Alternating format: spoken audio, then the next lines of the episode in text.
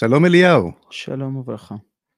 אה, כבוד רב, תודה, תודה רבה לך שהגעת ככה לשומרון.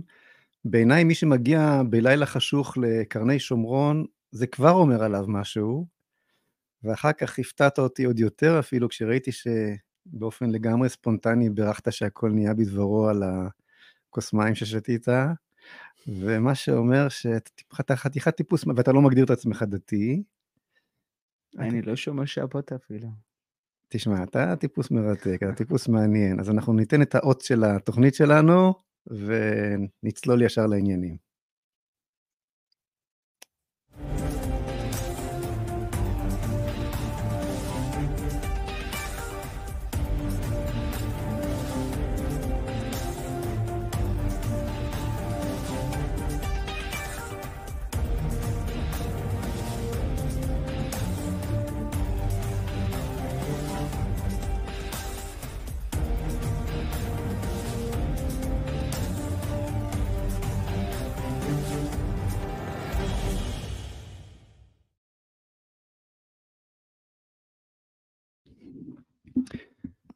אוקיי, אז uh, חזרנו.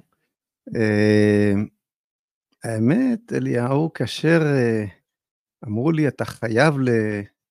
לראיין את אליהו יוסיאן, אמרתי, מה כבר נשאר לשאול, נשאר לשאול אותו?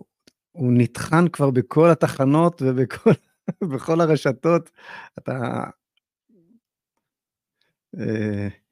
הופעת ככוכב שביט בשמי, בשמי התודעה הישראלית אה, מיד אה, עם פרוץ אה, שואת העוטף והמלחמה שבאה אחריה. נדבר עליה כמובן עוד מעט.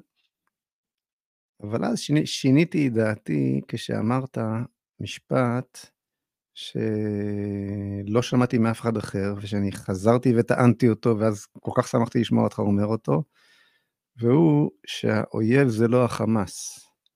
האויב זה עזה. ואני אשמח אם תפרט, ואולי בשונה מכל שאר האולפנים, יש לך פה את כל הזמן שבעולם, כמה שאתה רוצה, תסביר את המשפט הזה בבקשה לעומקו. למה האויב הוא עזה ולא החמאס?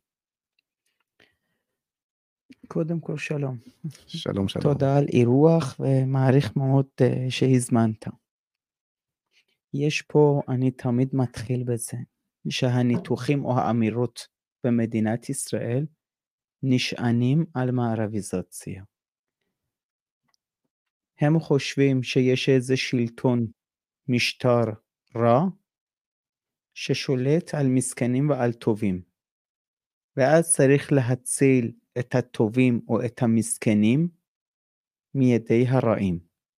חמאס הוא רע, עזתים הם מסכנים וגם יש בהם טובים, וצריך להציל אותם, כי יש אינטרס משותף. אנחנו מצילים גם את עצמנו הטובים ומסכנים שסובלים מפיגועים, וגם מצילים את העזתים המסכנים שסובלים מהמדכאים. וככה רוצים לייצר איזה תחושת הזדהות ביחד. והתחושת ההזדהות הזאת ביחד, הם רוצים לקחת עוד יותר רחוק. שאני מקבל על זה המון קללות מהמחנה שלא טוב לו לשמוע, וכואב לו הבטן שהוא שומע, אבל זאת האמת. ואז לוקחים את האירוע הזה לעוד יותר רחוק, ומקימים טקס אלטרנטיבי לחללי צה"ל בכפר עזה, עם המשפחות העזתים. זאת אומרת, הרוצחים יושבים עם הנרצחים וביחד בוכים. ואז זה תש... אבל זה המשפחות, לא, הר... לא, נר... לא הרוצחים. הרוצחים מתו, לזה. והמשפחות הם, כלומר, משפחות הרוצחים הם יושבים... במסגרת האנשים הטובים. נכון. כי מה זה משנה, הם... נכון. ואז זה גורם לטשטוש של צדקת דרך. מי הטוב, מי הרע, מי הצודק, מי הלא לא צודק. אם אני ואימא של מוחמד שהתאבד באוטובוס וגרם לשלושים יהודים להירצח, בוכים ביחד, בכלל, האם זה נכון לנצח? ניצחון יש בלקסיקון? האם אני יכול להביס אותו? שרק שנה שעברה ישבו איתי בטקס אלטרנטיבי לחללי צה"ל ובכינו ביחד, ואז זה טשטוש של כל הערכים האפשריים. ואיך הגענו לזה? מהשאלה הראשונה, שחמאס שולט על עזה. אז מה הסיפור? היסטורי. אנחנו יצאנו מעזה, ובאופן דמוקרט עזתים הלכו לבחירות ובחרו בחמאס. אז הם בחרו. אני רק מדבר על עובדות בשטח, למרות שיש נשמות טובות והמתייפייפים שלא מוכנים לקבל, אבל זאת עובדה. עוד עובדה, על בסיס סקר של אפריל 2023, מרץ-אפריל 2023, 65% מעזתים עדיין תומכים בחמאס. יש עוד 35% שחלק ניכר מהם תומכים בפת"ח, אני מגיע לזה, ויש חלק שהם מבולבלים לא יודעים פת"ח או חמאס. מה שכן רוב המובהק עד עצם היום הזה, עד מרץ-אפריל, תומך בחמאס. ול, ולא משנה ש... עזה, שכל עזה, העיר עזה היא, היא נראית כמו ערימת אפר פחות או יותר, ערימת uh, בטון. עכשיו יגידו לך זה בארץ אפריל, עכשיו בטח שינו את דעתם. כן. אז אני מגיע לזה גם, כי הם תמיד רוצים למצוא איזה תירוץ. בשביל תחושת שייכות והשתכחות וטשטוש של צדקת הדרך. זאת אומרת, הם, אתה מתכוון לשמאל בישראל. זה, זה, אם אפשר להגדיר את שמאל, כי זה, הבעיה זה לא שמאל וימין. ואני מגיע לשיחה שלנו לפני המצלמה, שאמרתי איזה שמאל, ודיברתי על מפאיניקים שמגדירים אותם שמאל והם שנת אור, אור רחוק משמאל של היום. אני מגיע לזה. נגיע לזה, קח את ה... אז 65% מהם הם תומכים בחמאס. ועוד 35 שחלק ניכר מהם תומכים בפת"ח. אז זה אומר, עד עצם היום הזה הם מאמינים בחמאס. יותר מזה, יש טשטוש של מילים. אם אני ואתה קוראים או אומרים, הילד שלי חוזר מבית ספר, אנחנו מאמינים במונח של ילד, שיוסי חוזר לצורך הדוגמה, מקבל נשיקה מאמא ואבא, אוכל ארוחת צהריים, יושב פותר את התרגילים, לוקחים אותו לחוג, קוראים לו יוסי, אל תשכח להביא את המטריה, משהו אנושי. מוחמד בכיתה א' וב' מלמדים אותו איך להשתמש ב-M16 כדי לרצוח יהודי. אז ילד הוא ילד, מילה, אבל אם מקלפים אותו, זה לא אותו ילד. כי התרבויות והדתות ותיאולוגיות משתנות. אני חייב לחזק את מה שאתה מתאר בסיפור ציוץ שצייץ פרופסור רצף לוי, שהוא פרופסור ישראלי ב-MIT, אה, הוא, הוא, הכרתי אותו דרך ענייני הקורונה והזריקות וכולי. אדם מאוד מאוד רציני, פרופסור ב-MIT, לא, הוא לא קאט לקניה. והוא מתאר שם סיפור אמיתי שקרה עכשיו על אה, ילד בעזה, תוך כדי המלחמה עכשיו, שהיה צריך השתלת מוח עצם, ואחיו, שהיה היחיד שהיה יכול לתרום לו, אה, נהרג בקרבות עם הצבא הישראלי. ישראל הביאה תוך, עכשיו, תוך כדי המלחמה, את הילד אלינו, לבית חולים ישראלי, הביאו גם את אימא שלו כדי שתהיה לידו, וסידרו לה את כל מה שצריך, כל מה שהיא צריכה לגור, לאכול, לשתות וכולי, עם הילד. מצאו לילד... ראיתי את הסרטון. ראית את זה? כן, כן. אבל... זה רק לגמור את הסיפור, מי שלא ראה, כן. מצאו לילד תורם ישראלי. מהנשמות הטהורות. מהנשמות הטהורות.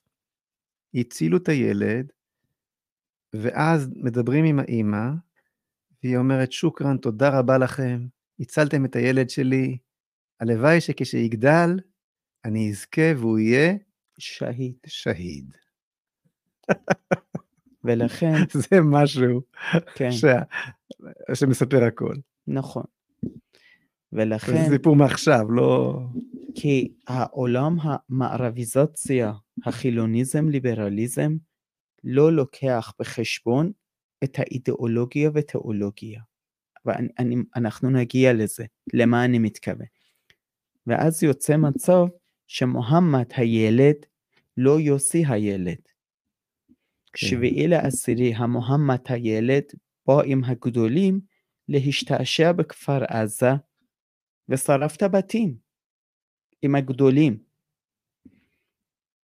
המצב הוא, באים ואומרים חמאס שולט על עזה. הלכתי על סקרים, עובדות. הלכתי על ילדים, עובדות.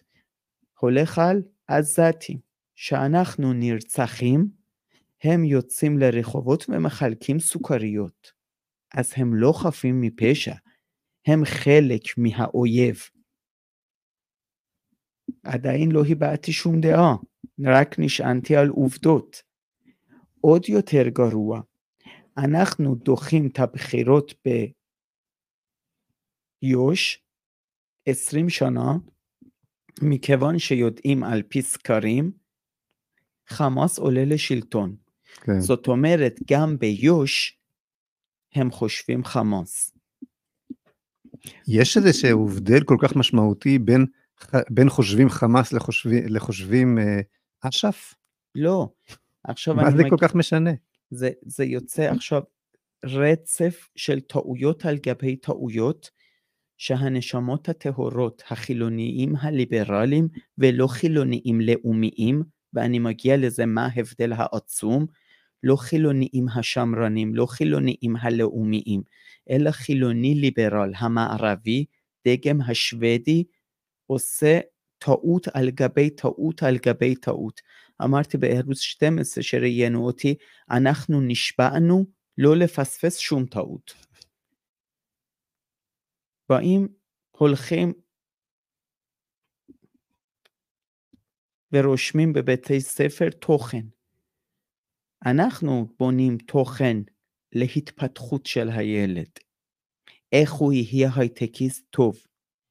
הם בונים תוכן איך הוא יהיה שהיד טוב. ומי בונה את התוכן? אותם עזתים. מי לומד את התוכן? אותם עזתים. אותם עזתים ששרפו הילד שלהם את הבתים, והגדולים שלהם אנסו ושרפו וחטפו. לכן, יש ראייה לא נכונה בכלל מיסוד לאזרחים. הבעיה מתדרדרת עוד יותר. שהולכים ורוכשים מחשב, יש לו פנקס הוראת תפעול. אוהבים את המחשב או לא אוהבים, מעניין אותנו או לא מעניין אותנו.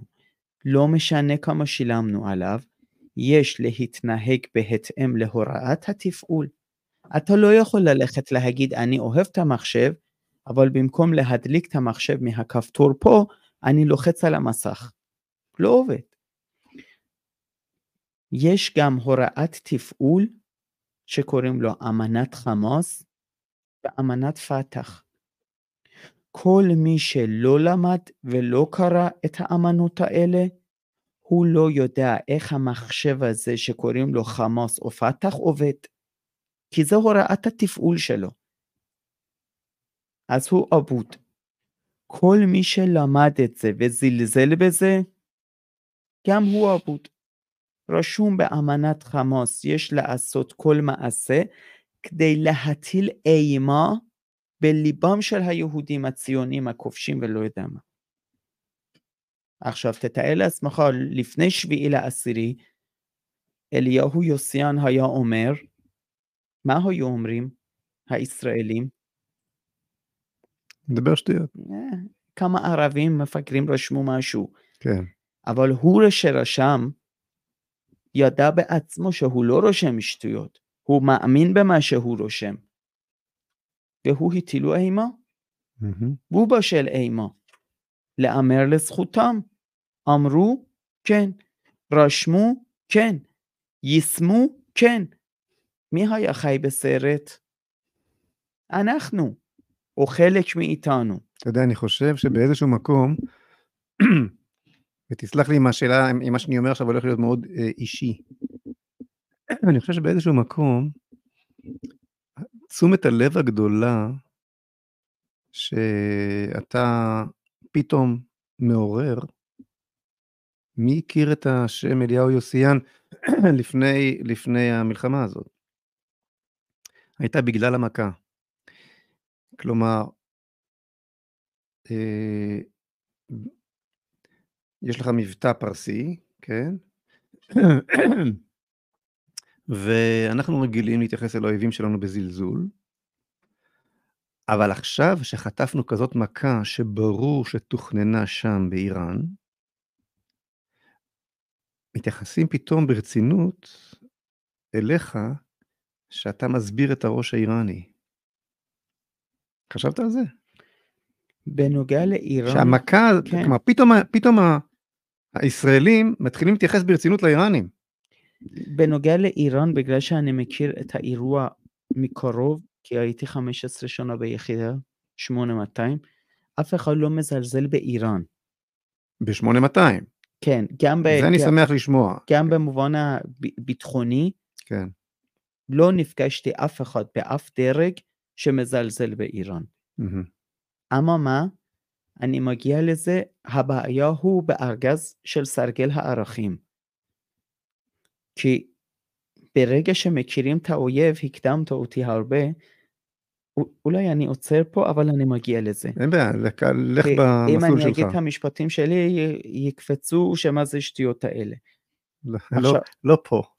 לא פה, לא, ב, לא בריאיון הזה ולא עם קהל המאזינים הזה. כן. אז הולכים ואומרים גם ערבי יו"ש מאמינים בחמאס.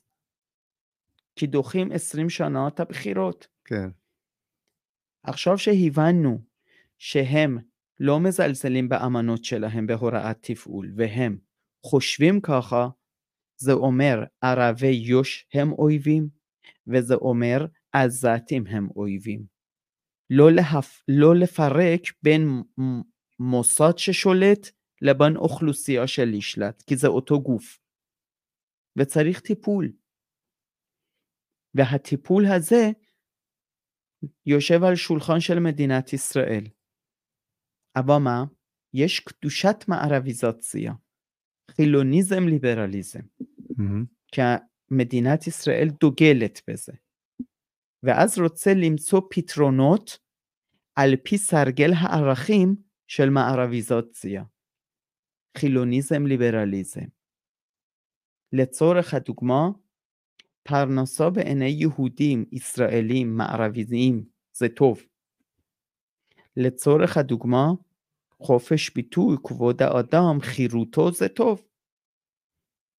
לצורך הדוגמה, הורדת אחוזי אבטלה זה עניין מדיני. אבל כל מה שאנחנו אומרים זה בינינו תופס, כי זה מה שחשוב לנו, לא מה שחשוב להם. הוראת התפעול שלהם זה לא על בסיס סרגל הערכים שלנו. הוראת התפעול שלהם רשום באמנת חמאס. זה שלא קראנו, הפסד שלנו. זה שקראנו וזלזלנו, הפסד שלנו. אבל מה? עכשיו חושבים, בגלל הערכים שלנו, אם נותנים להם חמישה קילומטר מרחב דייג כלכלי, אז אנחנו מרצים אותם. לא, כלכלי מרצה אותנו, לא אותם. אומרים, אם מכניסים כסף יש כלכלי, כאן, יש כאן יהירות. לא, לא, לדעתי, יהירות שלנו, יהירות של יש כאן- הליברליזם. מה, מה אומר לעצמו הליברליזם? החילוניות הליברלית שעליה אתה מדבר, שאני מאוד מסכים איתך, שלא מסוגלת להביט על המציאות בשום צורה אחרת מלבדה, היא אומרת, לא אה, שהם יהירים, הם לא מסוגלים. הם רק רואים צד זה- אחד. זה שני צדדים של אותו מטבע. אם אני לא מסוגל לראות אותך, אז אני יהיר. או כי אין לי את הכלים לראות אותך. למה אין לי את הכלים לראות אותך? כי הם עומדים בפינה הזאת ומסתכלים. לא, אבל למה, לא אני, יכול, יכולים אבל למה אני יכול להבין אותו והוא לא יכול להבין אותי? כי הפינות שלנו הן שונות. כי אנחנו אנשים תיאולוגיים, או, בו זה- זמנית, זו התשובה שחיפשתי. בו זמני רוקדים בשתי חתונות. נכון. אחד, חתונה מטריאליסטי, שתיים, חתונה אידיאולוגי. מהמם. אבל חילוני ליברל, הוא לא יודע מה זה חתונה אידיאולוגי. הוא לא יודע בכלל תיאולוגיה משחקת עד כדי כך חשוב. לא מזמן ראיתי סרטון, ויכוח בין אתה- צבי אתה- יחזקאלי, אתה מאמין באלוהים? כן, ב- מכיוון שאתה מאמין באלוהים, ואתה אפילו מברך שהכל נהיה בדברו לפני שאתה אה, שותה כוס מים, אז האל נוכח בחייך. יש לך נקודת ייחוס אובייקטיבית למציאות, שאליה אתה מתייחס, אוקיי? עבור אותו, נקרא לזה, כמו שאתה קורא לזה, חילוני ליברל, אני יכול לקרוא לזה אחרת, לא משנה. אתאיסט. האתאיסט, עבור, עבור האתאיסט, אין מציאות אחרת ממה, מזו שהוא ממשש. אבל מפא"יניקים לא קיימת. היו הרבה אתאיסטים גם שם. אז למה הם לא פספסו? זאת שאלה מעניינת, אני לא יודע. אני מגיע לזה. זה בדיוק העניין. אני, אני תמיד אומר, ארור יהיה מערביזציה באמצע מזרח תיכון. כי זה לא קשור אפילו לאתאיזם. ואז נותנים להם מרחב דייג. מכניסים כסף קטרי, כי חושבים שמרצה כן. אותם. כן, ומכניסים עובדים עזתים לישראל. אנחנו בצורה ביטחונית, נאורה, בודקים מי מעל גיל 40, מי נשוי, מי עם ילדים, למי אין עבירה פלילית ותיק בישראל, ואנחנו חושבים, ומערכות הביטחון שלנו חושב, שמביאים את העזתים הנקיים לעבוד. אבל העזתי הנקי... הרבה, הרבה מהמחבלים האלה היה להם שיעורי עבודה. למה?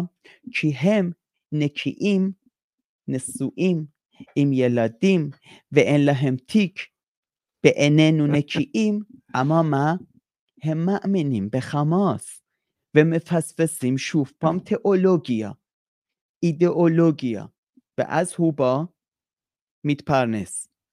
לוקח את הכסף ישראלי יהודי, מחזיר אותו לעזה, ואחרי חודש, חודשיים, שלושה חודשים שהוא לומד את ישראל, מה הוא לוקח עם עצמו? מפות, יעדים כן, לשם. שאמרו גם בתחקירים שלהם שאנחנו מיפינו יעדים ישראלים. זאת אומרת, אנחנו לא מפרנסים עזתי, אנחנו מפרנסים אויב. אנחנו מכניסים אויב, כי חמאס לא שולט על עזה, אלא עזה חושב חמאס. והטעות הזאת הולכת וגודלת. עוד יותר גרוע, שראשי ממשל, ראש ממשלה לשעבר היום מתראיין את שבוע שעבר ואומר כן. צריך להעביר מפתחות לפתח. אחד, יד על הלב צריך לשאול אותו קראת את אמנת פתח? שתיים, אם קראת יד על הלב האמנת באמנת פתח? רשום במפורשות שם יש לטהר את אדמת פלסטין מציונים. ואין שם קו ירוק. אין. עכשיו, אם עוד עשרים שנה שוב פעם יקרה דבר כזה, שלא יגידו לא ידענו. לאמר לזכותם רשמו, ואומרים, ואם יהיה להם אופציה, יישמו אותו בעתיד. זה שהוא לא קרא, או זלזל, או לא יכול להבין, זאת הבעיה שלו. אממה, הבעיה עוד יותר גרועה מזה. באים ואומרים, תסתכלו איך ערבי יו"ש יותר שקטים מערבי עזה. מה, מה הסיפור? שאחד, אם היה בחירות, הייתה בחירות, היו בוחרים חמאס. זה אחד. שתיים, לא, אבל הם עדיין יותר שקטים. למה הם למה? לא עושים את אותו בלאגן? טוב, הם תחת שלטון, כי אז הם- ביטחוני ישראלי. נכון. והם רוצים גם לוותר עליו. ואני מגיע לאותו אתאיסט שאתה דיברת מבחינת אלוהים. מגילת העצמאות נכתבה על ידי מפא"יניקים. שהיו חילוניים וחלקם אתאיסטים. אבל באותו מגילת עצמאות מעל עשרים פעמים רשום מדינה יהודית, מדינת הלאום של העם היהודי. זאת אומרת, הספר זיכרונות של תיאודור הרצל שרשום במפורשות הדבר החשוב שצריך להחיות הוא לאומיות יהודית. מתיישם גם במגילת עצמאות. נכון שהם היו חילוניים, אבל היו לאומיים. זאת אומרת, הבסיס הייתה לאומיות יהודית. זה מאוד מעניין מה שאתה אומר, אני חושב ש... תראה, כשהרצל הגיע לראשונה עם רעיונותיו, הוא התבסס על אה, עידן הנאורות, מדינת הלאום המודרני, הלאומיות החילונית החדשה, מדינות הלאום המודרניות, וזה מה שהוא רצה לראות פה. אבל הייתה זהות לאומית, רק היא הפרידה בין האל ובין. המרחב הגיאופוליטי, אבל. הייתה לאומיות. אחר כך הגיע הפוסט-מודרניזם אחרי מלחמת העולם השנייה, שהחל לערער על כל הזהויות, על כל האמיתות ועל כל הזהויות, אבל הפוסט-מודרניזם הזה עדיין השאיר את האופציה של, כלומר, הפוסט-מודרניזם אמר שכל אחד והאמת שלו, אז אם כל אחד והאמת שלו, אז אולי יש לאומיות ואולי אין, את התמציות, אפשר, בדיוק. רלוונטי. היום אנחנו כבר בעידן של האלים של הפוסט-מודרניזם, כלומר, שהוא הפרוגרסיביות. כל אחד והאמת שלי. אין זהויות בכלל. אתה חושב יש פרוגרסיביות? כן, זאת אומרת, אם אתה... חילוניזם, הדיבור- ליברליזם, הדיבור על מיסוד לאומיות הוא היום. תראה, הדיבור היום על לאומיות הוא דיבור פרימיטיבי, כן, כושל. אומר לך, כשאומר לך ראש אמ"ן, חליווה, חליבה, אה, מה שמו הפרטי? אה, אהרון חליבה, כשהוא אומר לך לפני פחות משנה שמשבר האקלים זה הסכנה, אין באמת בעיה עם האויבים שלנו. למה הוא מתכוון? הוא מתכוון שכל הזהות הלאומית זאת בעצם המצאה של אנשים פרימיטיביים, דתיים, פונדמנטליסטים קיצוניים, ביביסטים, פייגליניסטים, או. אה, אה, אליהו יוסיאנים כאלה, אנשים כאלה לא, לא רציניים. אנחנו אנשים מתקדמים ונאורים, אנחנו יודעים שהסכנה האמיתית היא לא מן ההמצאות הללו, אנחנו נחזיק אותם בשקט באמצעות טכנולוגיה, ואנחנו אה, אה, אה, נפנה משאבים של 8200 לטיפול במשבר האקלים, ולפני זה בקורונה, ובכל הרעיונות הפרוג... הפרוגרסיביים של ערבוב הזהויות אה, אה, אה, למיניהן, וזה סימא את עיניו, מ- מ- מ- כלומר מי שנמצא בתוך תודעה פרוגרסיבית, זה לא משנה כמה הטכנולוגיה תראה לו את הנתונים והתצפיתניות יראו לו את הנתונים, הוא לא יראה, הוא לא יראה. י- ואני וזה דווקא מעניין שאתה בא משם, אתה בא מ-8200. אני, אני מגיע לזה, כי, כי לדעתי פה זה לא, זה לא רק זה. במגילת העצמאות כמה חתומים? כמה עשרות יש שם? 37. כן. מתוך 37 חתומים, כמה מהם היו שומרי מסורת ומצווה? מעטים. לא, 23. או, זה לא ידעתי. אני יודע שהיו שם נציגים של מפד"ל למה כולם? אני אין. סוף הרצאות, מעביר כן, לא הרצאות, ידעתי. וכולם אומרים מעטים. למה? זה מרתק מה שאתה אומר. כי כן. בנו נרטיב, החילוניזם ליברליזם ולא חילוני לאומי, עוד פעם אני אומר, כי חילוניזם ליברליזם בנה נרטיב שציונות המודרנית היא ציונות חילונית. אבל לא נכון. ציונות המודרנית היא ציונות של מדינה יהודית. מגילת עצמאות נכתבה על ידי חילוניים לאומיים שחלק ניכר היו אתאיסטים. אבל המד... ה... הלאומיות היהודית שהייתה הקרקע הפורייה שלהם, היה עד כדי כך מוסכם בין החרדים וכיפה סרוגה ומסורתיים, שהם שומרי מסורת ומצוות, מעל 50% חתמו עליו. יש פה הזדהות משותפת על אבן היסוד. בגלל זה גם כי כולם ידעו על מה הם נלחמים. על מדינה יהודית. אני יכול קצת להתווכח איתך על הנקודה הזאת. תראה, אני, אני מבין מה שאתה אומר. אתה רוצה להכניס אותי אולי לאצ"לניקים, והפערים והקרע. לא. לא, אני רוצה לטעון. אני, אני רציתי להגיד משהו אחר, אה, לאתגר אותך קצת. תראה, מגילת העצמאות, וזה מעניין שאנחנו נכנסים ליסודות הללו ולא מדברים עכשיו על מה שהכי בוער, שזה עניין החטופים, אנחנו חייב, חייבים להתייחס לעניין הסכם, ההסכם הזה שבעיניי הוא הסכם מביש לחלוטין, אני כבר אומר לך, הוא אסון ההסכם הזה בעיניי, אני לא אין לי מושג מה אתה חושב, מעניין אותי לשמוע, ואני ארצה גם לשמוע אותך בהמשך, כמובן, מה, מה התשובה שלך למציאות הזאת, איך אתה היית נוהג אה, אה, אילו יכולת להחליט, החל, מה, החל מיום ראשון שאחרי הטבח. תכף, תכף נגיע לזה, אני רק רוצה בכל זאת משהו בעניין מגילת העצמאות והיסודות שאתה חושף כאן.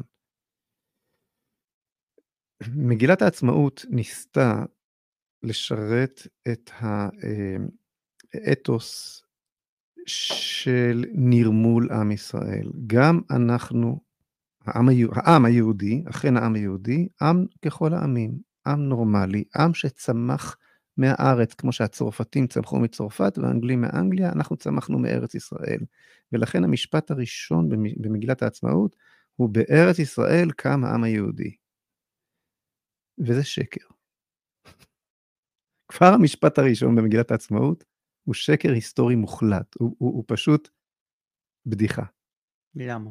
כי אני, אני, אני כי יודע... משום למה- שעם ישראל לא קם בארץ ישראל, אברהם אבינו נולד הרחק משם.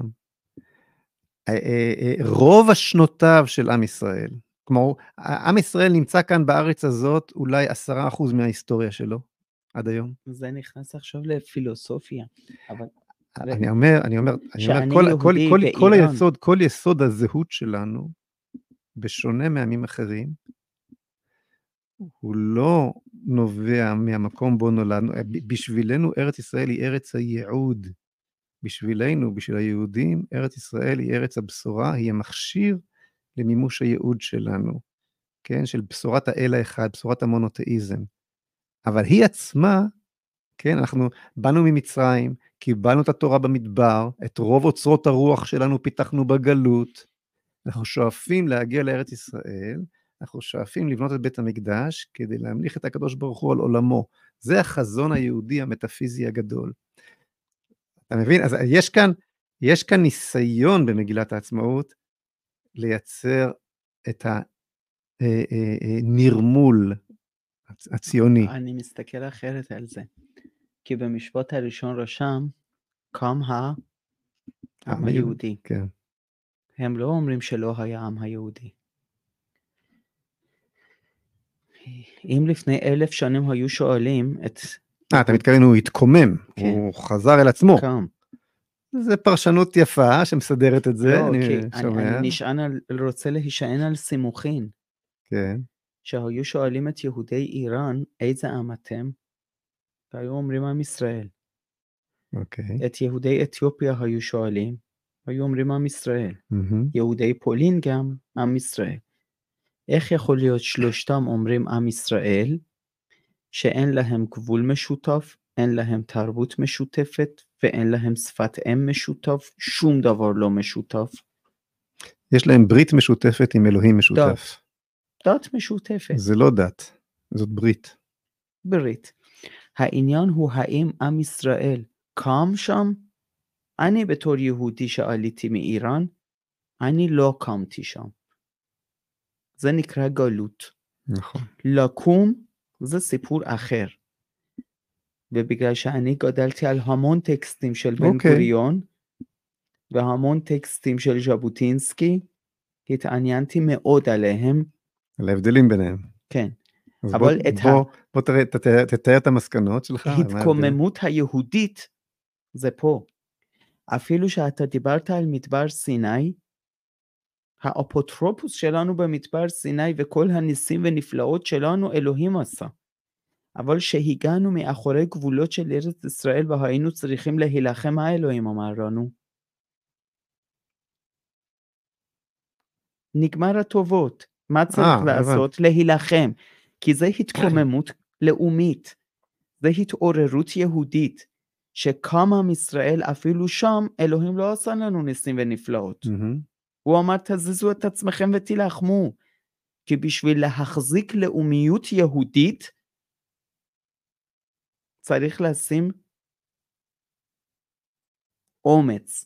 הכניסה, מ-. מ- הכניסה ממדבר סיני אל תוך ארץ ישראל, כן, כשהם עוברים את הירדן, נכנסים לארץ ישראל, המן מפסיק לרדת, הניסים כן. מפסיקים להתרחש, והם נכנסים בעצם ממציאות מטאפיזית אל ההיסטוריה. נגמרו ככל- החגיגה. כן, כן. ולכן, ש... לדעתי, שאומרים את זה, וגם יש המון נאומים שלהם שנשענים על זה, הם רצו לעמוד על הרגליים. הם דחו מאוד את היהודי הגלותי, כן, תסלח לי על הביטוי, הם לא רצו את היהודון. ברור. ולכן המשפט הראשון מסמל את זה, מסמל את ההתקוממות היהודית. אתה אומר, קם זה לא מלשון נולד, אלא מלשון התקוממות. נכון מאוד. קומם את עצמו. ונאומים שלהם גם מאשרים את זה, מחזקים את זה. האבן היסוד שלהם היה עד כדי כך מבוסס, שגם שומרי מסורת ושומרי מצוות חתמו, מעל 50% מהם. מהמם, אז מה השתנה היום? כי האבן היסוד הזה זז. שם היה לאומיות יהודית שכולנו ישבנו עליו. למרות שהניסוח היה אתאיסטי וחילוני, מהמם, כי קולקטיב היה לו ערך. היום חילוניזם, ליברליזם יש לו ערך שמקדש אינדיבידואל. כל אחד חושב הוא מלך, ואז זז. חלק צועקים דמוקרטיה, וחלק צועקים מדינה יהודית, וזה הפער.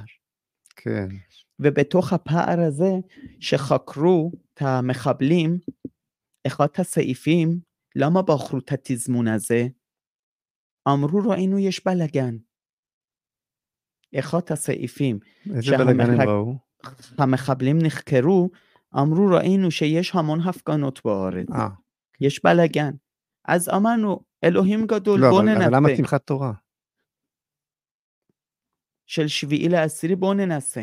עכשיו זה לא משנה האם קוראים לזה רפורמה משפטית או מהפכה משפטית. העניין הוא שמוחמד בעזה רואה שיש פה בלאגן. מהמם, זה לא משנה האם זה אי התנדבות או האם זה השתמטות במובן המשפטי. זה כן. משנה שמוחמד האויב רואה שיש פה בלאגן. כן, זה לא משנה האם הסוכה תהיה בדיזינגוף או לא. משנה שמוחמד רואה, יש פה בלאגן. כן. ומתוך הבלאגן הזה שזז בגלל חילוניזם, ליברליזם, ונפרדנו כי כל אחד הוא אינדיבידואל, מהאגרוף הפכנו להיות אצבע פתוח. אז עכשיו הרבה יותר קל לחתוך. מוחמד בא, אומר לעצמו נכנסים, עשרה ראשונים. אם נהרגנו, גן עדן כפול 72 בתולות. אם לא נהרגנו, אז מוחמד הילד גם בא, ועלי גם בא. עד כדי כך, זה שש- לא- זה לא היה נראה ככה, זה היה נראה מקצועי ומתואם כי הם- ו- ו- נכון. ומתוכנן בצורה מדהימה. אמת, אבל כמות של שלוש אלף, הם אמרו בחקירות שלא האמנו. כי אנחנו חשבנו בחלק הראשון שהאמנות שלהם מחרטטות, תסלח כן, לי, כן, בחלק השני, בגלל סרגל הערכים המערביים שלנו, חשבנו שקונים שקט עם מרחב דייג וכסף קטרי וכניסה שלהם לפה. פעם, של... פעם שלישית גם שידרנו שיש פה קרע. אז הוא כן. מנסה ושלוש אלף נכנסים. אממה, באותה נשימה הם אומרים שנה שלמה התאמנו באיראן, וקיבלנו אמל"ח מאיראן, וקיבלנו כסף מאיראן. הם אומרים בחקירות. אז למה זלזלנו והתעלמנו? כשלב הראשון לא קראנו את אמנת חמאס, כי אנחנו מפספסים מבט תיאולוגי של מזרח תיכון. אז מה קרה לאמן? זה לא עניין של אמן, זה מה שאני אומר, שברגע שהרש... אמן לא קראו את... אה, חליבה לא, לא, לא קרא את האמנה? אף אחד לא מאמין שאמנת חמאס אמיתי מאמין שצריך להטיל אימה על ליבו של יהודי. קרא, אבל לא לקח ברצינות. נכון, כי, כולה, כי, כי יש תפיסה חילוני ליברל שבאה ואומר שטויות, אבל אני לא חילוני ליברל, אני מסור, חילוני מסורתי, אבל אני שמרן, אני רוצה ומקפיד מאוד להבין תיאולוגיה בכפוף למטריאליזם, אני איראני, אני גדלתי על ברכי המהפכה האסלאמי, אני קראתי אסלאם ושיעה את כל הקורסים, ואני יודע שהם לא אומרים סתם. מהמם. אז שפותחים את הבטן של אישה בהיריון, ושוחטים את העובר בבטן, וזורקים את האישה עם בטן פתוח על הרצפה ומסריטים בשביל טיק טוק המשך, להעלות, מי מתפלא ומפחד? מי שזלזל באמנת חמאס. אליהו יוסיאן ידע. אליהו יוסיאן היום יושב ומתכתב עם תומכי משטר בשפה פור... חזרנו, אוקיי, יופי, ברוך השם. אני פשוט, זה פורסית, מתרגם לך מה עניתי לו. סינית אני מבין יותר טוב, כן. והוא אנטי ישראל, כן. מובהק. רשמתי לו, תקשיב, שם של ירושלים פעם אחת לא מופיע בקוראן. זה ברגע ששם של ירושלים 669 פעמים מופיע בתנ"ך. הוספתי. מסגד אל-אקצא לפני 1330 שנה נבנה. זה ברגע שהכותל נבנה לפני 2979 שנה. או בשפה פשוטה יותר, אני יש לי ותק על אדמה הזאת 1648 שנה יותר ממך. הוספתי, עיר ירושלים היא העיר השלישי בקודשה אחרי מכה ומדינה בעיני הסונים. זה ברגע שהעיר הזאת היא העיר החשובה, הקדושה ביותר שלי הייתה ויש ותהיה. הוספתי, אתה בתור מוסלמי שיעי, עיר ירושלים זה עיר מבחינת חשיבות מקום רביעית בשבילך, אפילו אחרי סונים. הוספתי, ירושלים היה כיוון התפילה שלכם לזמן קצר מאוד, שאלוהים ניבא לנביא מוחמד שתשנה לקאבה. לא רציתם מפיו של אלוהים. לעומת זאת, שנים על גבי שנים, עד עצם היום הזה, ירושלים זה כיוון התפילה שלי. הוספתי, על פי מקור X ו-Y בקוראן, רשום במפורשות, שארץ ישראל הוא ארזול מעוד, ארץ המובטחת של עם ישראל. אם אתה מאמין בקוראן במפורש רשום, מופיע. הוספתי שבקוראן בצורה, בצורה מפורשת רשום שעם ישראל הוא קאומול אפזל, הוא העם הנבחר. ושאלתי אותו, האם אתה דוחה את כל מה שרשמתי? הוא רשם לי, אתה צודק. זהו. זהו.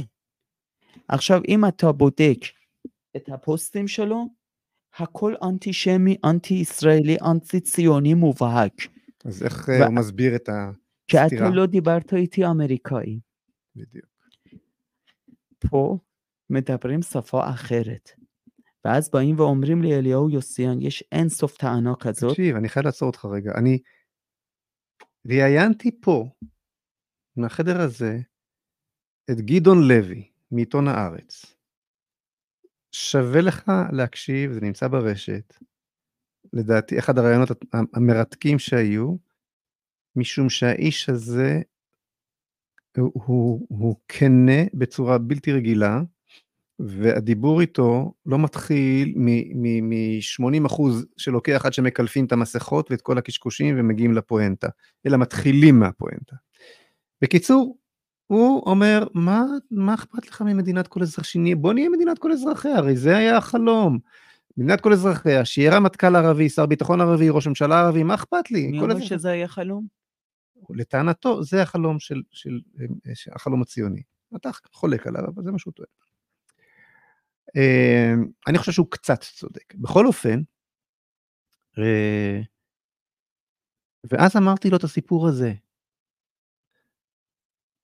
וש... ואמרתי לו, תקשיב, אתה ניסית, דרך הליברליזם שלך, השקפת עולמך, להביא שלום, הבאת פה נהרות של דם. זה היה כמובן הרבה לפני, זה היה איזה שנה וחצי לפני, לפני הטבח שהיה עכשיו. אבל את האוטובוסים המתפוצצים של אוסלו הכרנו, ואת המסעדות, אה, מסעדת מצה וסברו שעלו בשמיים הכרנו, ואת כל האלפי קורבנות של, של, של השלום שלהם חטפנו. אז, אז אמרתי לו, אה, אה, אה, זה לא הולך לכם. והנה, אני מדבר איתם, והם מיד נענים, אז אולי תיתן לי להביא את השלום. אמרתי לו, בוא, שחרר, תן לי להוביל. מה היה התשובה שלו? בחיים לא. אמרתי לו, אז אתה מוכן שמדינת ישראל תהפך לערימה של אפר, ובלבד שהיא תתנהל על פי החלום שלך. אני לא זוכר אם הוא אמר לי במפורש כן או במשתמע כן, אבל, אבל זה הסיפור כאן. מדינת... לא מדובר כאן בשלום.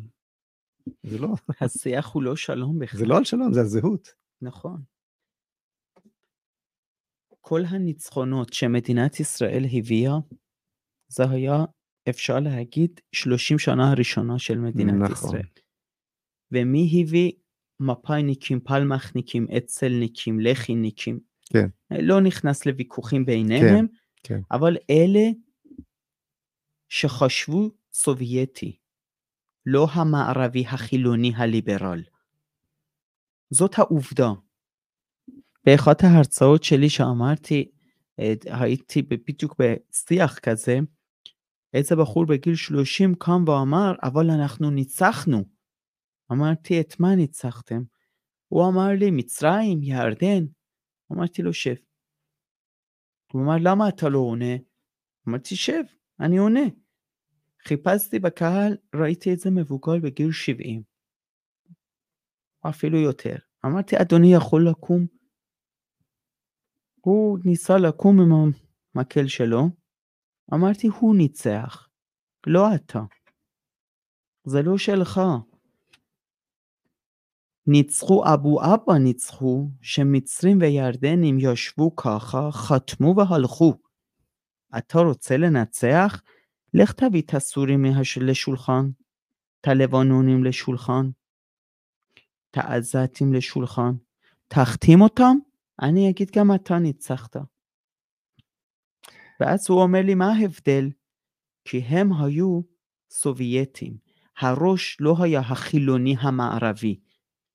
כי הם ידעו איך לדבר בשפה, למרות שהיו חילונים, אבל שוב פעם לאומיים, שוב פעם שמרנים, כי היה להם יחידת סירוס בשביל לסרס ערבים. בגלל בחורה יהודיה. תאר לך. שהיום היה לנו את בן גוריון ויחידת הסירוס שלו.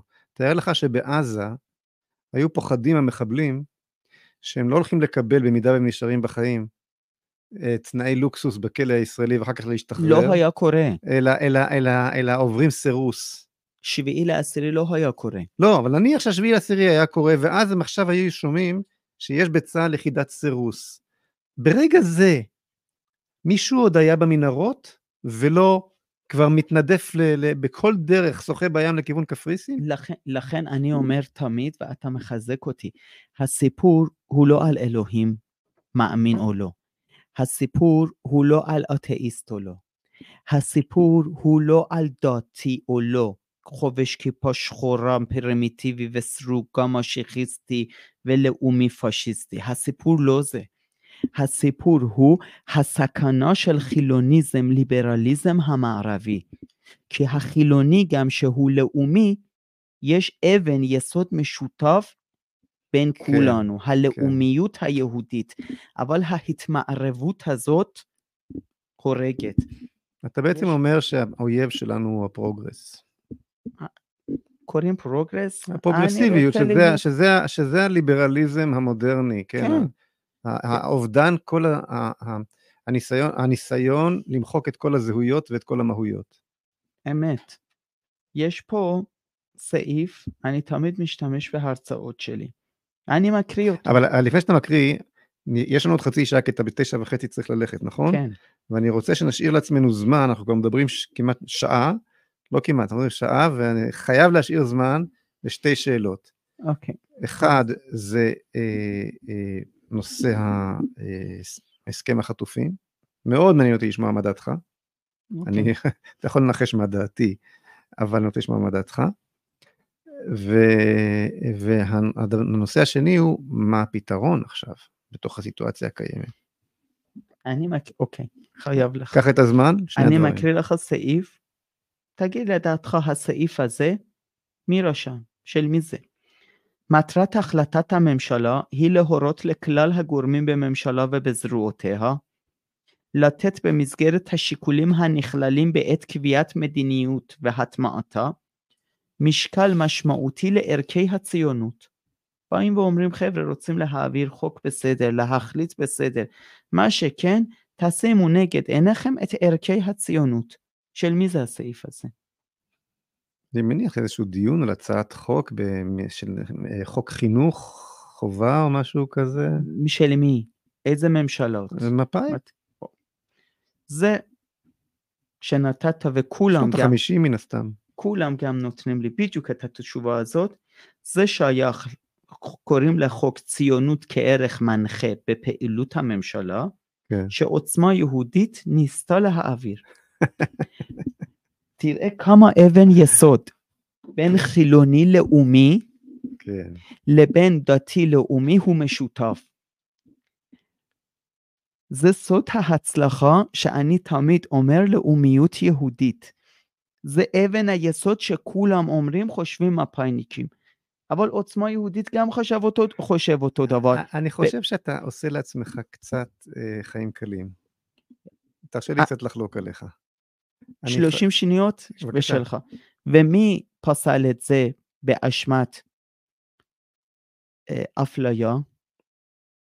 יועמ"שית. כן. עכשיו, הסיפור הוא הנרטיב הרעיוני הזה, בלי יועמ"שית מי כן מי לא, שחושבים שזה אפליה, שחושבים שזה גזענות, שחושבים שזה דיכוי. מי שמסתכל על זה עם נרטיב כזה, הוא רק חילוני ליברל המתמערב, שחושב על מדינת כל אזרחיה ושוויון המוחלט. כי הציונות מיסוד זה אפליה מתקנת. כי אני באתי נכון. לארץ אבותיי. לא הולך. הכל זה פרדוקס. ציונות, לאומיות יהודית זה פרדוקס מוחלט מול חילוניזם ליברליזם. בהערכת מצב שלו שדיברתי על גבול וים וכסף קטרי וכולי, מהבנת הנקרא של מזרח התיכון, לא הולך. להילחם מול האויב שיושבים בטקס אלטרנטיבי ובוכים ביחד, לא הולך. לטפל באיום שאנחנו נגיע לזה עוד מעט, לא הולך.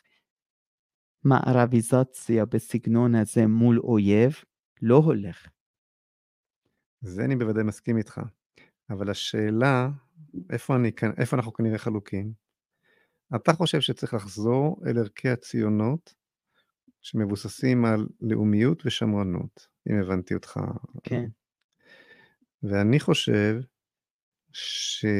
שהסיבה שהגענו לאן, ש... לאן שהגענו, הוא משום שבאותם ערכים היה באג, וצריך לתקן אותו. לא לשלול, את... לא לשלול אותם, לא לזרוק אותם לפח, אני לא בא מנקודת מבט חרדית שאומר שהציונות זה רע, אני חושב שהציונות זה טוב, אבל הם כן זיהו, החרדים, בעייתיות, ובבעייתיות הזו צריך לטפל. מה הבעייתיות? הבעי- הבעייתיות היא שכן היה בציונות ניסיון לנרמל את, היו, את עם ישראל. כן? איזה נרמול זה ששמים אה, יחידות סירוס זה ופעילויות בסדר, זה, תגמול? זה, זה, זה עמים עושים אחד איך לשני. נר... איך, אז איך לנרמל את זה? למה? אה, לצורך הדוגמה תראה לי פרוטוקול אני לא רוצה מסוים. להיכנס לדיון, אולי אנחנו נעשה עוד שיחה, כי אני רוצה שתתייחס בבקשה ל, אה, לשתי השאלות האלה. קודם כל, נושא, נושא הסכם החטופים. כל כולי כואב למשפחות. מאחל מכל הלב שיחזרו החטופים הביתה לשלום. אבל יש תנאים שאני לא מוכן לקבל. ואלה התנאים שרואים. כי התנאים האלה, בדומה לפעמים הקודמות, משדר תמונת מצב סלש חולשה לצד השני, שהוא מנצל אותו לעוד עשור ואף יותר. כי זה לא שפת מזרח התיכון. לא מקפיאים כוחות בשטח לארבעה ימים. לא מעבירים תדלוק, לא משנה, איך שמגדירים אותו. לא אסור לתת אורך נשימה לאויב. אם רוצים לקחת אותם בחזרה, יש דרכים אחרות, אבל דרכים אחרות, אם תשאל אותי מה, זה לא דרכים אחרות של מערביזציה. דבר, מהם הדרכים האחרות? דרכים אחרות זה היה בדיוק בדומה לאופציות כמו אולטימטומים ששמים. מהמם. 24 שעות אני רוצה. והשאר תחת הטיפול שלי. עכשיו האולטימטום בשביל ליישם אותו, אני לא יכול להיות עם סרגל מערבי, ברור. ברור. אבל הם יכולים ליישם את זה, כי כולם התמערבו. החינוך שלהם זה אז, חינוך. אז, אז אני, אני, אני, אני אומר את אותו העניין מהזווית שלי, אוקיי? מכיוון שברחת מהזהות היהודית שלך וניסית לייצר לעצמך זהות מערבית חילונית, הכפפת את עצמך לסולם הערכים המערבי. אבל מפא"יניקים. גם היו חילוני. אבל אף אחד לא צפצף עליהם ככה. אבל- סירסו. אבל, אבל זה כנראה עניין של מינון. גם האנגלים, ש... כשצ'רצ'יל אמר שאין גרמנים חפים מפשע, הוא לא היה מערבי, הוא היה מערבי. הוא היה לאומי. הוא היה לאומי, נכון, הוא היה ליברל. לאומי, הוא היה, נכון, נכון. זה, זה בעיה, המילה אבל הזאת. היום, היום, הצמרת הצה"לית זו צמרת שעוברת דרך קרן וקסנר. הצמרת הצה"לית זו צמרת פרוגרסיבית. על המסכים של 8200 יש את אה, ארגוני הלהט"ב, 8200 האקלים, 8200 הקורונה אבל זה והזריקות. אשמתנו. ואותו הדבר בחיל האוויר, אתה רואה כותרת עם ג'יבריש כזה, אבל זה דיבור- אשמתנו. זה לא משנה, אבל זה לא הלאומיות שאתה מדבר עליה, אתה הכפפת, כי אומר, זה אשמתנו. ודאי שזה אשמתנו, לא, לא אשמתם של הליברלים. אלא, אנחנו הימין, שאומר אני לאומי, שאומר אני מסורתי, שאומר אני דוגל ביהדות, לא במובן ההלכתי, אלא לאומיות היהודית, שדוגל ודוגל ודוגל, כמעט 20 שנה אנחנו בשלטון. שלוש אה, דורות. גדלו על ברכי הימין, שאומר הצד השני לא טוב, החילוני ליברלי שמאל, שאומר הם ככה וככה ופחות יהודים והם חמוצים וזה, עזוב אותם. שלוש דורות גדלו על ברכי ימין. אז למה לא טפטפנו מסורת בחינוך? למה לא טפטפנו לאומיות יהודית בחינוך? למה לא באנו לגבש ספר מסודר ומגובש שחייבים ללמד על בסיס זה, ואם לא, לא מתקצבים אתכם? אתה רוצה את התשובה שלי לשאלה הזאת? כן, כי לא היה לימין החילוני משהו אחר להציע. במובן הכי עמוק של המילה, מבחינה אידיאולוגית. בגין עולה לשלטון ב-1977, וזה האסון הכי גדול שקרה לימין. מדוע? משום שברגע ש... משום שעד 77, להיות ימני, היה, משמעותו היה אומר, לא שמאל. מ-77, להיות ימני, זה פתאום, אז מה כן? אוקיי, עכשיו, מה זה אומר? אם זה לא שמאל, אז מה כן? אז אתה... אה, אה, אני לא יודע, אה, ויצמן בוא, דיין תבוא, אתה מחזק אותי. סיני למסור, אין לי משהו אחר חוץ ממך. אתה מחזק אותי. אוקיי. כי אמרת ממי נהרס? אמרת מבגין. נכון. ובגין היה חובש כיפה ודתי. בגין לא היה דתי, הוא היה הוא היה שומר פולקלוריסט. שבת. השאלה היא, שומר הש- מצוות. השאלה היא, האם היחס שלך הוא מתוך, הוא, הוא, הוא מתוך מחויבות לברית, מתוך מחויבות לייעוד הלאומי היהודי, או מתוך, מתוך רגשות לאומיים חמים, פולקלוריסטיים וכדומה. לא היה לבגין את שניהם? וגם לרוב אוקיי. הדתיים אין. סליחה? אבל בוא, אבל, אבל אני לא רוצה לפספס את אוקיי. הזמן היקר שלנו, כי זו שיחה חשובה, זה נושא, זה נושא חשוב. אה, אני, אני מבין שאתה לא רוצה להיכנס לפרטים, מה היה צריך לעשות כדי להחזיר את החטופים. אה, לא, זה, אין לי בעיה להיכנס לזה, אפילו אמרתי לילה הראשון, אם ראית את אחת התוכניות שלי, אמרתי לילה ראשון, נתתי מספר סתמי, אבל התכוונתי לעומק הדברים, אמרתי צריך להוריד 50 אלף עזתים רק פעימה ראשונה, לספתח. מהמם, אמרתי את ה-50 אלף לא בשביל האמיתי 50 אלף, אבל זאת אומרת מכת מוות. מהמם. ואז התקשרו אליי שני גורמים בכירים שבפנסיה, ואמרו למה אתה אומר שטויות? אתה בוגר שמונה זה, 15 שנה היית ביחידה, קיבלת פרסים ככה וככה. אז אמרתי לו, אני מדבר רק על שעת חסד, יום הראשון, היית יכול להוריד? אז הוא אמר, ומה יום למחרת? אמרתי, יום למחרת לא היינו צריכים לנקות את זירת הפשע. שידור חי, מזמינים את כל השגרירים, בנות הזוג, סוכנויות ידיעות, להביא מצלמות, להראות לעולם שפתחו את הבטן של אישה בהיריון וערפו את העובר. היה עובר רף? אני חושב, והוא אמר כן, היה עובר רף. ואמרתי לו, אז אליהו יוסיאן לא אמר סתם להוריד איקס אלפי עזתים, כי היה עובר רף, זה עניין הסברתי. ואתה יודע מה הוא אומר לי? ומה עם המוסר?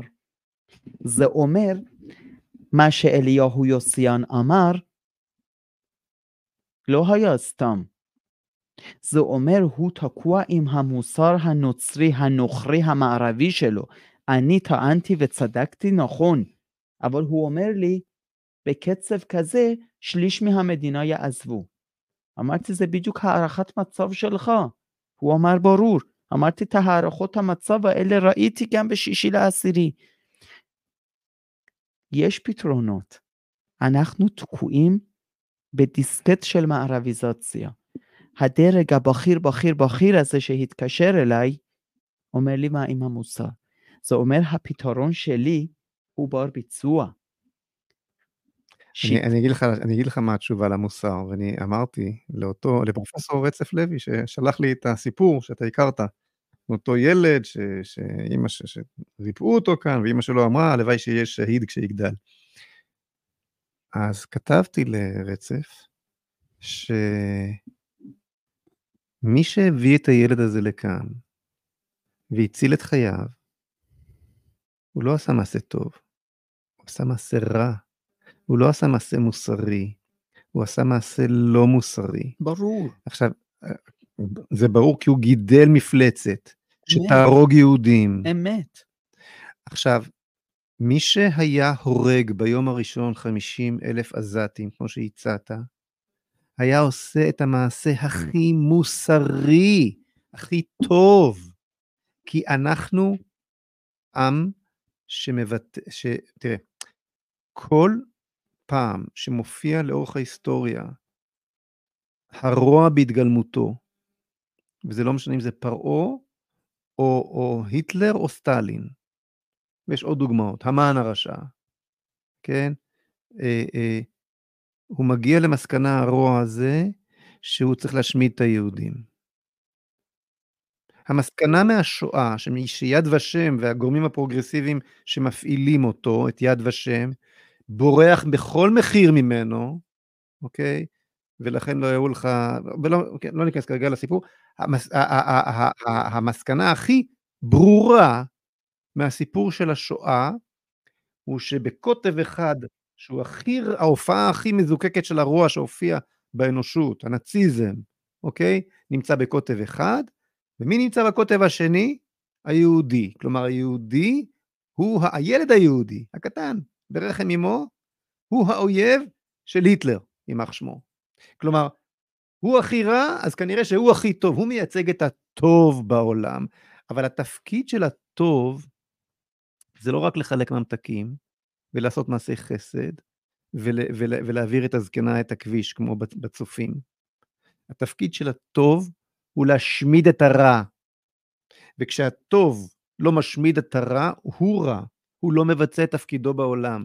כשאנחנו משאירים, אני, אני אומר לך, כשאנחנו לא עושים את מה שאתה אמרת, אנחנו מושכים אלינו את האנטישמיות העולמית. עכשיו תגיד לי, זה מטאפיזי, זה סיפורים, אני אמרתי ביום הראשון, שאם לא נשמיד את עזה, כן, ביום הראשון, מבין שעזה, כן, תתפתח מיד אנטישמיות מטורפת בכל העולם, וזה בדיוק מה שקרה. כי כל העולם מסתכל עלינו באותו רגע, כל העולם ראה את התמונות, כל העולם מבין מה קרה. אתה כבר לא קהילה בקישינייב, או, ב, או ב, ב, בגרמניה, בליל הבדולח, שאין לה יכולת. אתה לקחת על עצמך. טוב, אני מתנצל בעיני הצופים על הנפילות הטכניות בשידור, עברנו לשידור, שוב לשידור סלולרי, וכרגע שומעים אותנו, אני מקווה שבהמשך גם יראו אותנו, נכון? גם רואים. גם רואים? כי במסך הזה אני לא רואה. אז שומעים ורואים אותנו כרגע. אז אני חוזר, דיברתי עם אה, כמה מן ה, מה שמכונה המתפכחים, יש הרבה אינטלקטואלים ואנשים רציניים שמתפכחים, והייתה לי התכתבות מעניינת עם אחד מהם, אדם מפורסם מאוד,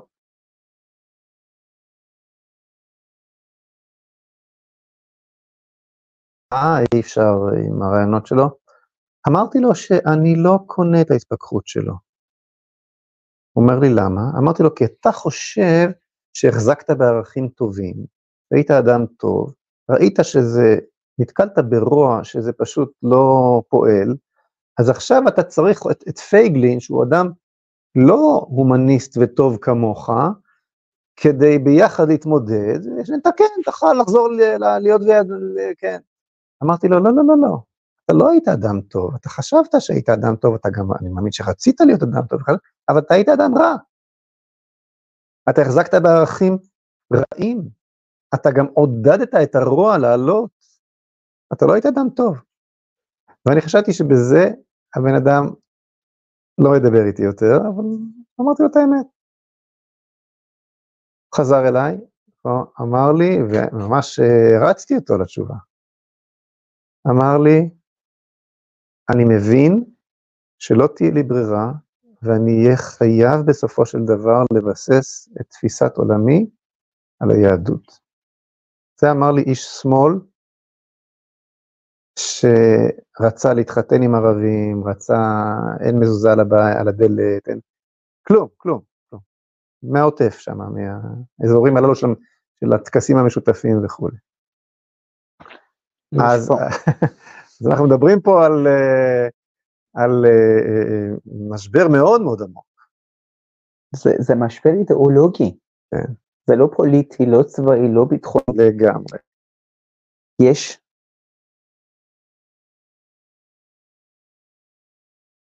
נקודה שדיברנו שהאינטרנט נפל, מודיעין מקדים. למה מדינת ישראל תמיד תלויה במודיעין מקדים? הוא קורא לעצמו צבא הגנה לישראל, ולא צבא התקפה לישראל.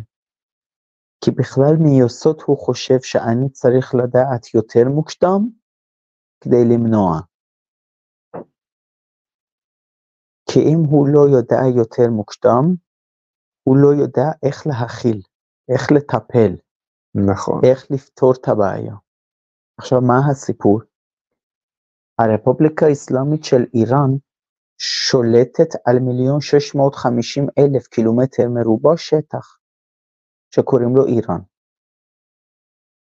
עם 90 מיליון אנשים, כמעט 70 קבוצות אתניות שונות ומשונות, ושפות שונות ומשונות, ואין סוף בעיות ביטחוניות. מצפון אזרבייג'אן ומדרום מדינות מוסלמיות וערביות וסוניות, ועיראק שמונה שנים מלחמה מולם, ופקיסטן מדינה סונית סלאפית יכולת גרעינית פצצות אטום מוכנות שיש, וארדואן וטורקיה אחים המוסלמים, אין סוף בעיות יש לאיראן. אז איך יכול להיות שבמובן של ביטחון פנים הם כאלה חזקים? תמיד יש מודיעין מקדים? איך יכול להיות עד עצם היום הזה אין בדיקה גופנית באף קניון ואצטדיון בכלל במדינה הזאת? הכל מודיעין מקדים? לא, לא. כי מעבר למודיעין מקדים, הם באו ושידרו לאויבים את האכזריות שלהם.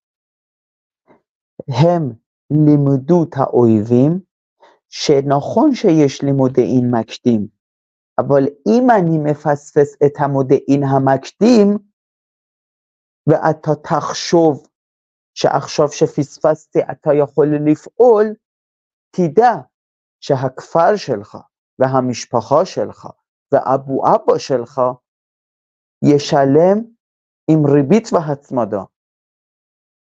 זאת אומרת, באכזריות שלהם יש היגיון, יש מוסר. אנחנו משדרים לאויבים, או יש לי מודיעין מקדים שאני מטפל כהגנה, או אם אין לי מודיעין מקדים, אין יש, מחיר. אין מחיר. תבוא תאנוס, תערוף, תחטוף, תשרוף, תעשה מה שאתה רוצה, אין מחיר.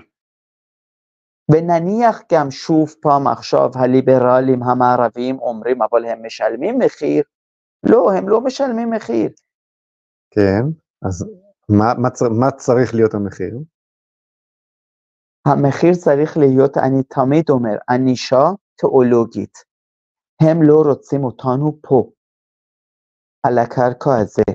הריב הוא תיאולוגי שאני לא אהיה על הקרקע הזה, ואני צריך לקחת ממנו את הקרקע הזה, שטח. שטח.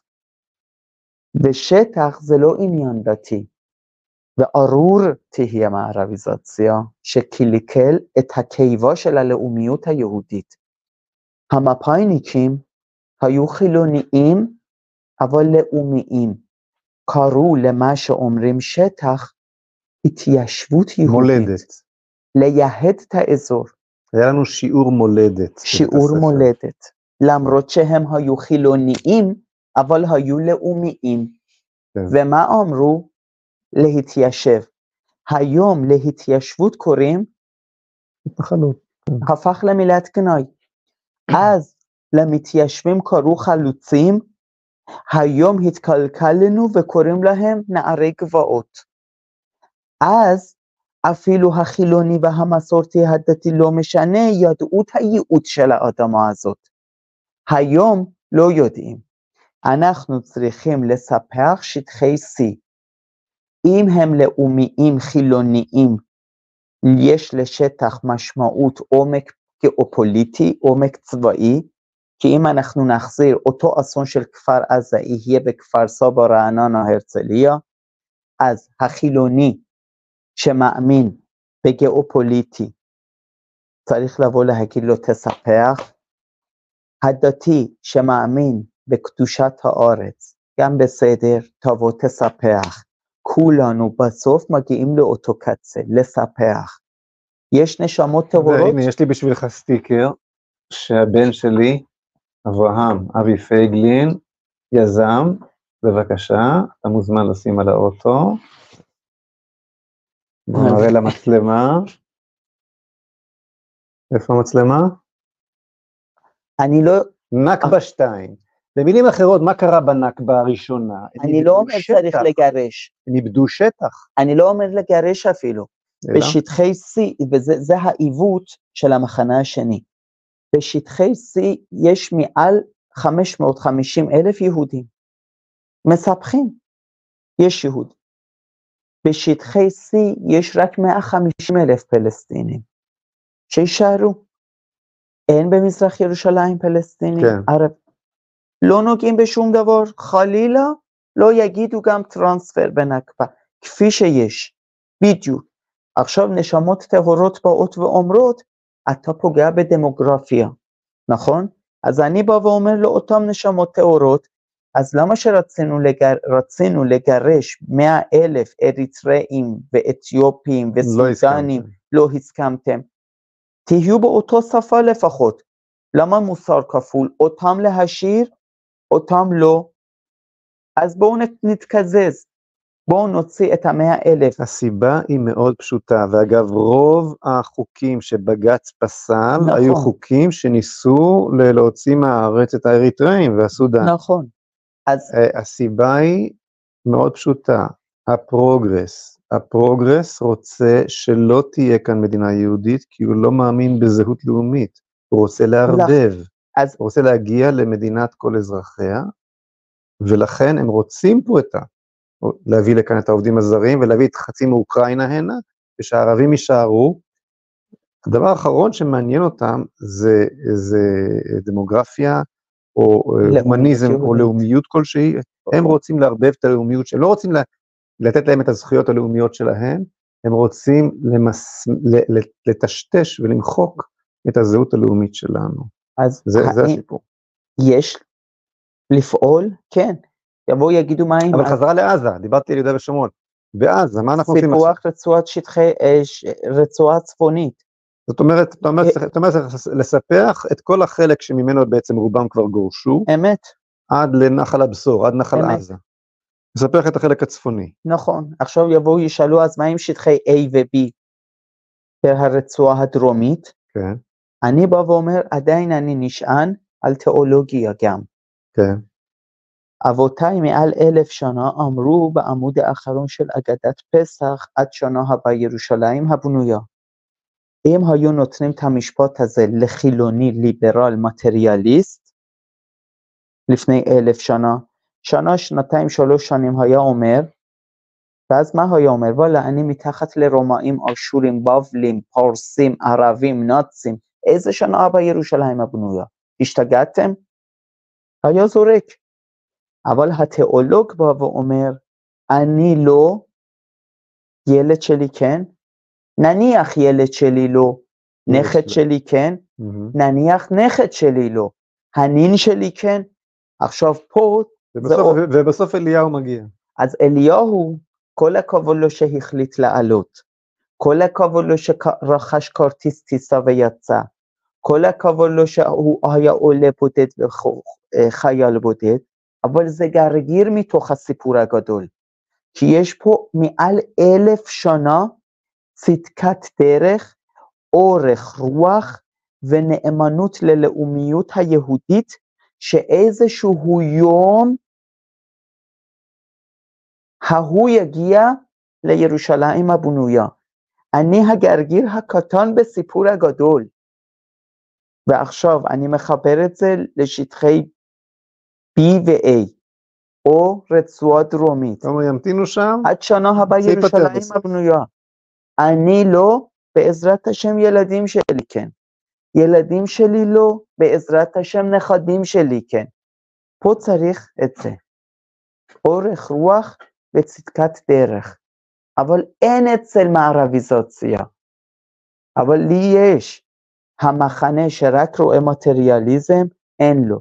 אבל המחנה שיכול לשלב בין מטריאליזם לתיאולוגיה, יש לו. אז תלוי השולחן של החלטות בידיים של מי זה. כדי שיביא את הסרגל הערכים שלו ולפתור את הבעיות המזרח תיכוניות. וזה הסיפור. תשמע, השיחה איתך אה, רצה לכיוונים מרתקים. אה, אז בעצם אתה אומר, בוא נספח את החלק הצפוני, שם ממילא הם עזבו. אגב, ראינו עד כמה מהר הם יכולים לקום וללכת ממקום למקום, זה פשוט.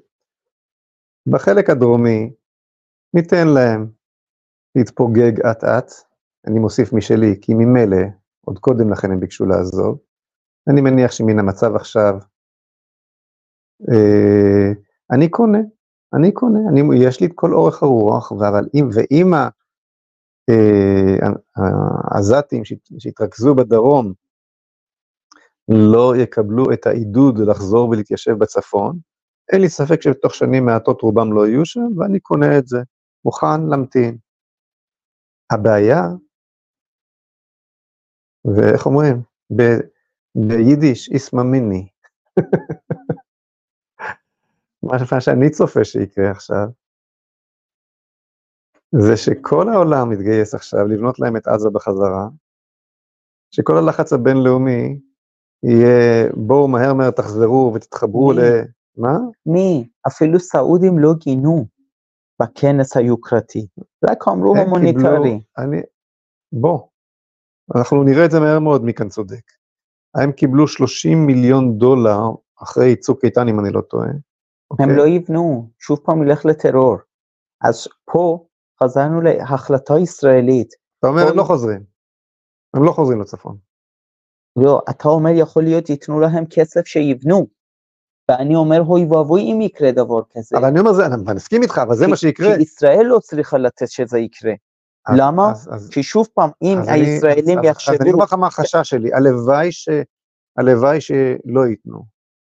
החשש הגדול שלי הוא שמכיוון שגדל כאן דור שלם של אליטות ישראליות, בצבא, בפוליטיקה, באקדמיה, במשפט, בפקידות הציבורית הבכירה, גם בנתחים גדולים של הכלכלה, על אוסלו. מי שלא היה נאמן ואימץ על קרבה ועל קרעיה את תודעת אוסלו, לא קודם, לא בצבא, לא בתקשורת, לא בשום מקום. לא יודע איך אתה הגעת לאן שהגעת בכלל, אוקיי? לא שמו לב, נכנסת להם שם, לשלי ששמו לב, אתה ועוד בודדים. אבל העניין מאוד מאוד ברור. ואם הם לא חוזרים עכשיו צפונה, הלך אוסלו. אז הם יחזרו. והיה לי ברור מן היום הראשון, תקשיב לי טוב, למה כל כך צעקתי עד כדי כך שזרקו אותי מפחיד 14, אפילו לחשוב היה לי. ברור מן היום הראשון שנתניהו הולך למסמס את רגע החסד הזה. אני השתגעתי, יש לך רגע של חסד להשתחרר מכל הטמטום הזה ולייצר שינוי כיוון, ואתה תוקע את צה"ל שלושה שבועות, צה"ל כבר אומר אני מוכן, ביבי ממשיך להחזיק אותם, אוקיי? היה לי ברור שמחזיקים פה את הצבא, ועכשיו אני אמרתי מן, כבר בתשיעי לאוקטובר, נתתי ראיון בערוץ טוב, הוא אומר לי המראיין, אני לא מאמין שאנחנו לא ננצח את זה. אמרתי לו, תקשיב לי טוב, אני מצטט, אתה יכול לשמוע אותי אומר את זה. אמרתי לו, תקשיב לי, זה יומיים אחרי הטבח. אמרתי לו, תקשיב לי טוב, ביבי לא מחפש לנצח את זה, ביבי מחפש לצאת מזה. וזה בדיוק כך מתנהל עד לרגע זה.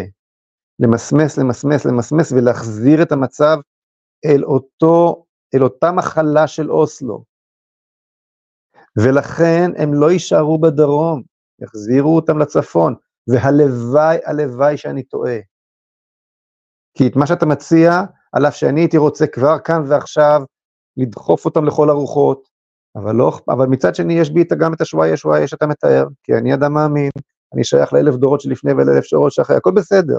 כל עוד אני יודע שיש לי את הכוח להפעיל מקלות וגזרים כאלו, שהוא לאט לאט מוצא את מקומו במקומות אחרים, בלי רעש וצלצולים, כמו שהוא רוצה, כמו שהוא רוצה, לדאוג לכך שלא יהיה לו יותר מדי, מדי נוח בדרום. לדאוג לכך שיש לו הצעות, מציעים לו מסקוטלנד, מציעים לו מאזרבייג'אן, כל מיני מקומות מציעים לו, לא יודע, הוא ימצא את דרכו. כבר עכשיו המספרים הם הרבה הרבה הרבה יותר קטנים ממה שהם מדברים עליהם. הפתרון קיים, אבל פה המנהיגות, האליטה הישראלית לא רוצה לפתור, רוצה להנציח את הדבר הזה, כדי להנציח את אוסלו שעליו היא יושבת. זה החשש שלי, וזה מה שראיתי מתגשם, כל החשש הזה ראיתי מתגשם מהשביעי לאוקטובר עד עכשיו, מילה במילה, כל מה שדיברתי והזהרתי, פונקט. קרה יותר, כולל האנטישמיות, קרה יותר, יותר ממה שחשבתי. אני אמרתי, הרי אתה זוכר שצילמו את חיילי צה"ל סוגרים להם את המים? אני אמרתי, התראיינתי בערוץ טוב, פעם, אני מדבר על רעיון אחר, אמרתי, עוד מעט פותחים, זה היה איזה שבוע אחרי, עוד מעט פותחים, ירדתי למכונית מהערוץ, פתחתי חדשות, פתחו. עוד לא, עוד לא אמרתי, כבר פתחו. היה צריך להפציץ את המים, לא, לא לסגור ברז, שאין יותר מים. היה צריך להפציץ את תחנות, תחנות הכוח, אין יותר חשמל. ארצות הברית לא מאשרת. מי? ארצות הברית לא מאשרת. תראה, בעניין הזה של ארצות הברית, אני, אני, חי, אני חייב לומר לך משהו. אני מקווה שאתה בסדר עם הזמן. כן, בוא, תראה, עוד חמש דקות. אנחנו, זה משהו שבישראל הציבור לא מבין. אנחנו נמצאים ברגע של, ברגע קיומי. זה לא איזה תאונה שקרתה לנו בגלל שתצפיתנית לא ראתה או מישהו לא התריע. אנחנו נמצאים כרגע בסכנה קיומית כמו הקמת המדינה. אנחנו, ב, אנחנו ברגע, הרגע הזה של 1948 זה עכשיו שידור חוזר, להיות או לחדול. כך צריך להתייחס למציאות שקורית כרגע. כי כל כוחות הפרוקסי שפועלים סביבנו, במצ... בעצם מה שעשה, מה שעשתה המתקפה הזאת, היא עושה שלושה דברים, הטבח הנורא הזה, עושה שלושה דברים. א', הוא, הוא הפיל את ההרתעה לקרשים, הוא הפיל את ההרתעה הישראלית. אם הייתה בכלל. אם, אם עוד היה משהו, זה מתחת, זה עשר קומות מתחת לאדמה. אין הרתעה כרגע, היהוד, כן, זה דבר ראשון.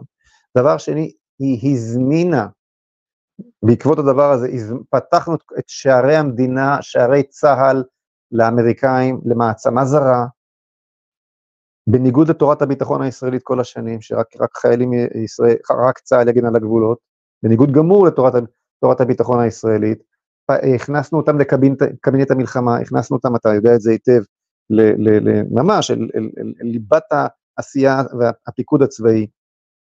אומרת לי קרוליין גליק, שבכלל בשנים האחרונות אה, אה, אה, תתי אלופים ומעלה, או אלופים ומעלה, ממונים רק באישור אמריקאי, שזה דבר מטורף כששמעתי את זה, לא העליתי לדעת.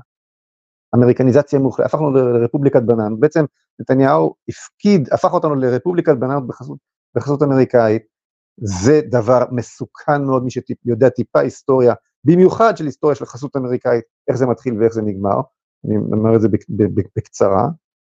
והדבר האחרון שעשינו, הוא שהפכנו את כל יהודי העולם לבני מוות. זה מה שקרה עכשיו. אתה עכשיו מוקף בכוחות פרוקסי איראנים, מכל, הכיוונים, צה"ל שריסק אה, אה, אה, במו ידיו את יכולותיו האסטרטגיות, את, את, את צבא היבשה, מסיבות פרוגרסיביות לגמרי אגב.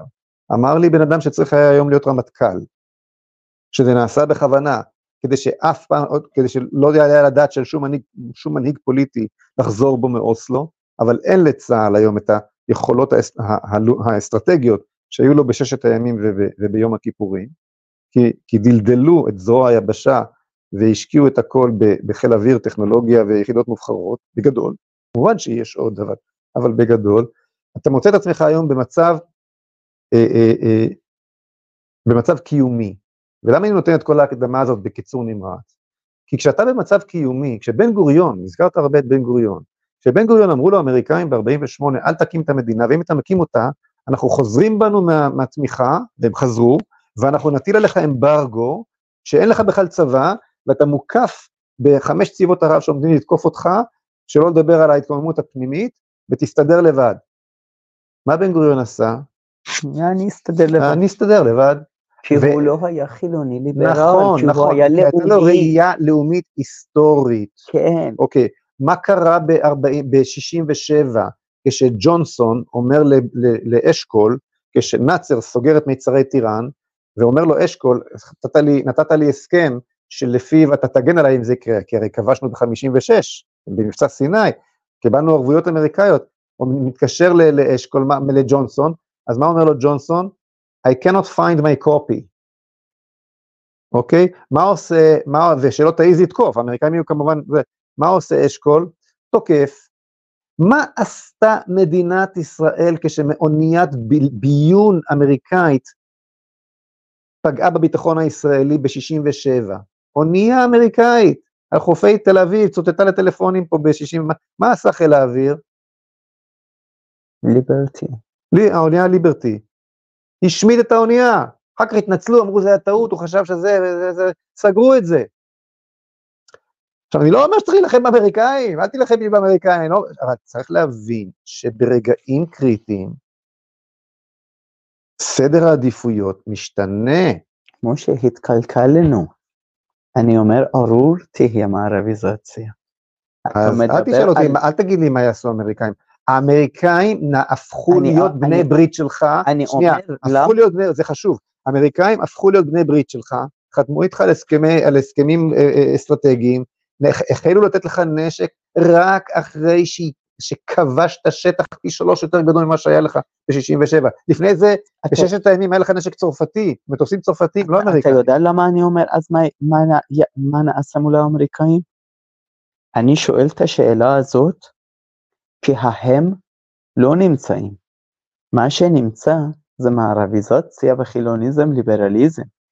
עם האנשים האלה, מה נעשה מול האמריקאים? זה, אז, אז, אז, הבעיה שלנו, אז הבעיה שלנו היא לא האמריקאים, ברור, ברור. הבעיה שלנו היא היהודים, ברור, ברור. ואנחנו נתמודד איתה. לכן תמיד אני אומר שהתפיסה, ההתמערבות החילונית ליברלית, ושוב פעם לא חילוני לאומי, קלקל את הקיבה הלאומיות היהודית והורידה אותה על הברכיים.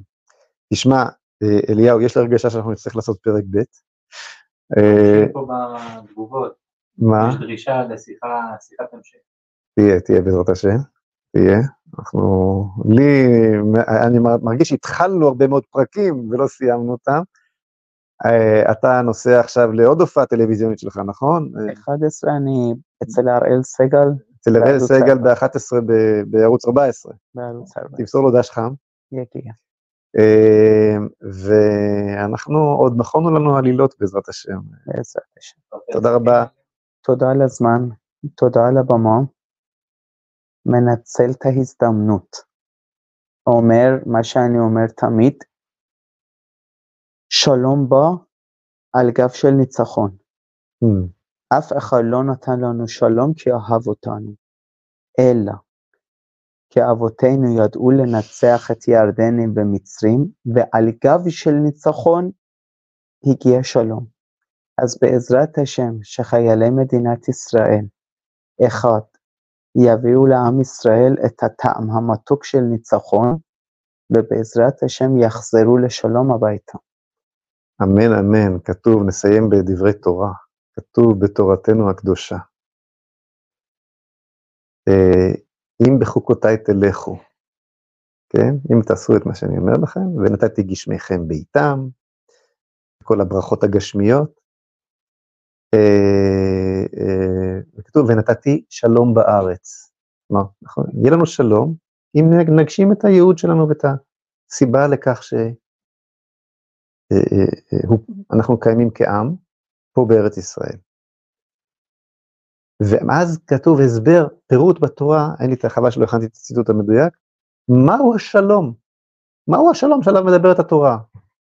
כתוב, ונתתי שלום בארץ, והמשפט הבא, ורדפו מכם, מכם חמישה מאה, מעטים מכם הספיקו כדי להטיל מורא על כל האויב. זאת אומרת, השלום, אתה אומר השלום בא בתור, בתור מניצחון, שלום זה הרתעה. ואת זה אומרת התורה. נכון שבנביאים יש ונמר עם גדי ירבץ, ונתתי שכן, את החזונות האוטופיים כשיבוא המשיח. אבל התורה לא מדברת על חזונות אוטופיים, היא מדברת על מציאות. יהיה לך שפע גשמי, ונתתי גשמיכם בעיתם, ותהיה הרתעה.